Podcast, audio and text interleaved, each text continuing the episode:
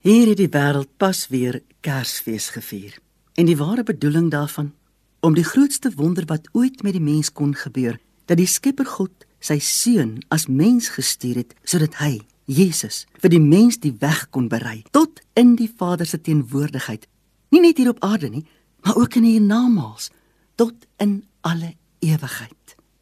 Maar nou moet mens die belangrikste element van hierdie hele saak oorweeg, totdat die kind Jesus nie in my en jou gebore word nie, was sy koms na die aarde vir my en jou te vergeefs.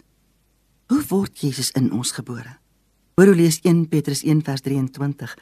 Want julle is wedergebore nie uit verganklike saad nie, maar uit onverganklike deur die lewende woord van God wat tot in ewigheid bly.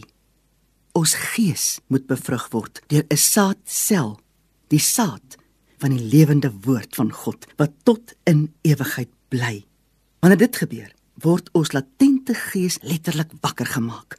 Soos Jesus aan Nikodemus verduidelik het in Johannes 3 vers 3: "Voorwaar voorwaar ek sê vir jou, as iemand nie weer gebore word nie, kan hy die koninkryk van God nie sien nie." En ook Johannes 3 vers 5: "Voorwaar voorwaar ek sê vir jou, as iemand nie gebore word uit water en gees nie, kan hy in die koninkryk van God nie ingaan nie." Om gebore te word uit die gees beteken eenvoudig om te glo dat Jesus se koms as mens na hierdie lewe op aarde daaroor gegaan het dat hy gekom het om te sterf aan die kruis. En sy bloed aan die kruis is gestort om herstel te bring vir my en jou.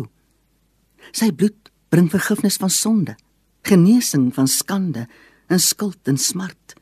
Deur sy bloed ontvang ons genesing in ons liggaam en gees.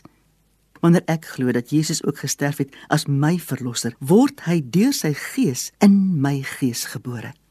Weet jy dat dit al vir jou gebeur het? Glo jy dat Jesus ter wille van jou gesterf het? Het jy dit al erken vir altyd en hom? Here Jesus Christus, dankie dat U ook vir my gesterf het. Ek glo dit.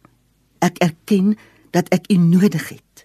Maak my asseblief skoon van sonde, skande, skuld smart en siekte. Dankie. Amen.